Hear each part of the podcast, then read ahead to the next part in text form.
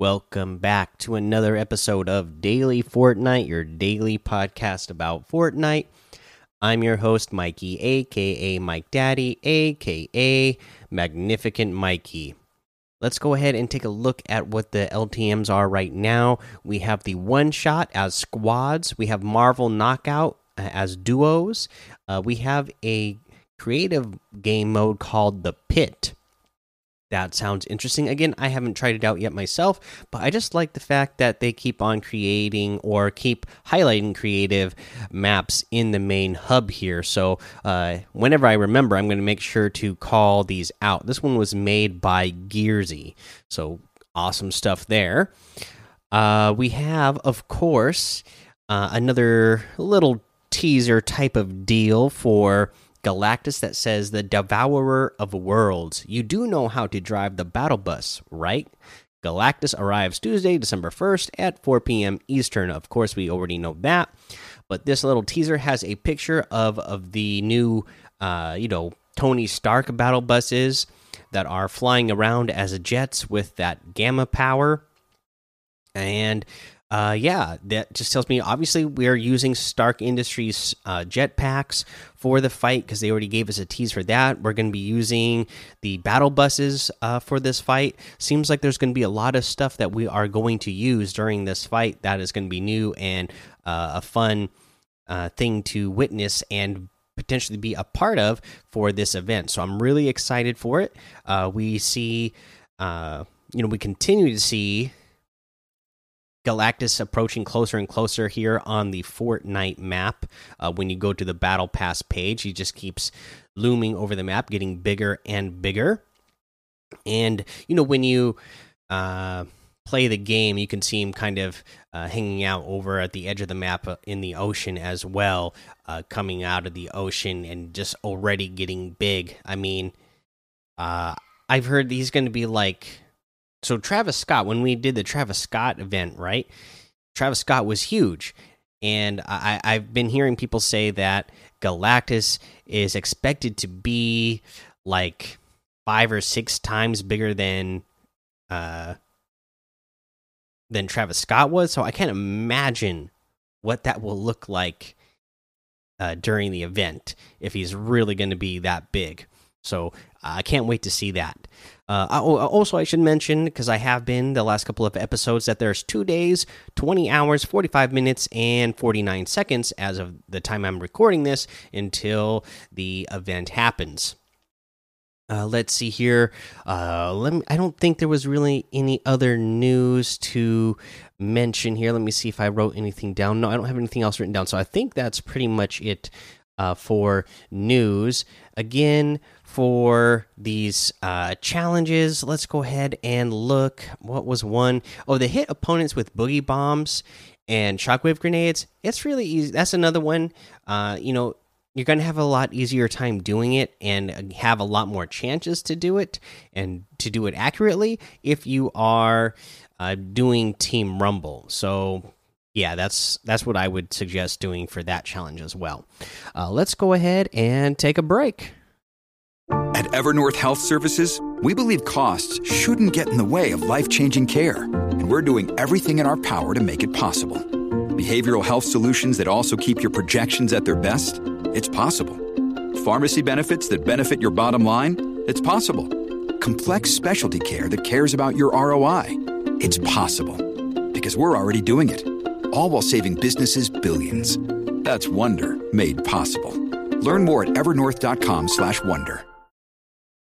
All right, now let's go over today's item shop, which has all of those Marvel items, still has all that uh, football stuff in here, the Icon series with the Ninja and Loser Fruit stuff still here.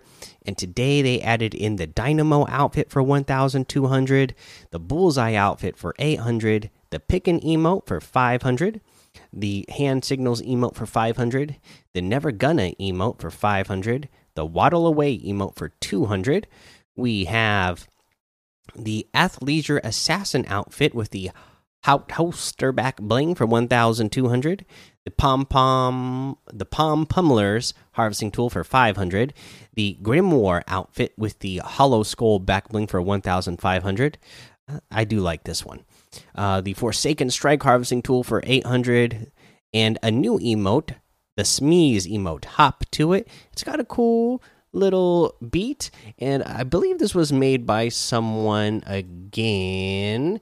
Uh, that this is somebody that people might know. Let me go look it up. It is by uh, Chunky. Chunky. I don't know how, what this guy's name is. Chunky Tuts. Chunky Tuts. I don't know. Maybe you guys know who this is, uh, but I don't. Uh, but uh, again, I guess this guy was, you know, doing some dancing. You know, this calling the Smeeze, uh, doing it on TikTok, of course, is where all these dances are coming from nowadays. So, boom, there you go. Go check it out. Pretty cool. And uh, that looks like everything. So you can get any and all of these items using code Mike Daddy in the item shop M M M I K E D A D D Y, and some of the proceeds will go to help support the show. Now, for our tip of the day, I'm just going to mention this because it kind of came up today in the Discord. But you know, um, your binds, no matter what you're playing on, you know, even if you are on controller, you can make custom binds, right? So, and if you're a keyboard player, obviously you want to have custom binds right from the right from the get go, customize them. But yeah, uh, you know, again, what I would do because you're going to look at a lot of pros that don't have the same set of binds for ever, right? Even the pros are changing their binds pretty constantly, just trying to figure out the best way to optimize their binds. They might find, you know, for a few months that they're like, hey, this is really working for me. Then they might see somebody else that changes their binds and has a new technique of doing you know some sort of double edit or side jump double edit or something they see they see something that somebody else does so they go and try those binds out. So I would definitely suggest looking up your your favorite players, you know, whoever your content creators are or competitors are, the pros that you want to emulate, go figure out what their settings are. There's, you know, they'll usually have somewhere uh, on their social media, you know, on their YouTube or something where they'll go through all their settings, or you can just uh, Google it. A lot of times there's websites that will, uh, you know, keep track of this stuff and they'll tell you what your favorite uh, pros and content creator settings are, and then you go from there. Again, like I've mentioned, I'm pretty sure I've mentioned I've done this before as well on the podcast.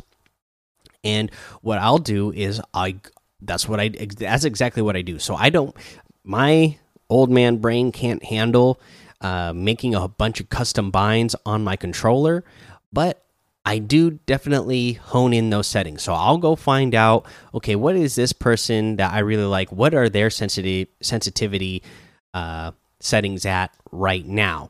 And then I'll I'll try to switch to that because I want to try to play as close to that player as I can. If I'm trying to play that play style, and then from there, if I feel like, hey, this is way too fast for me, or if there's uh, some of the things, if I'm doing ADS, or if there's, you know, if I'm editing and it feels too slow, then I start making adjustments from there until I really uh, hone it in. But it is nice to start from a point of reference. Uh, and, you know, my point of reference is always, you know, some competitor or some content creator that I really like. And then I just try to go off of that.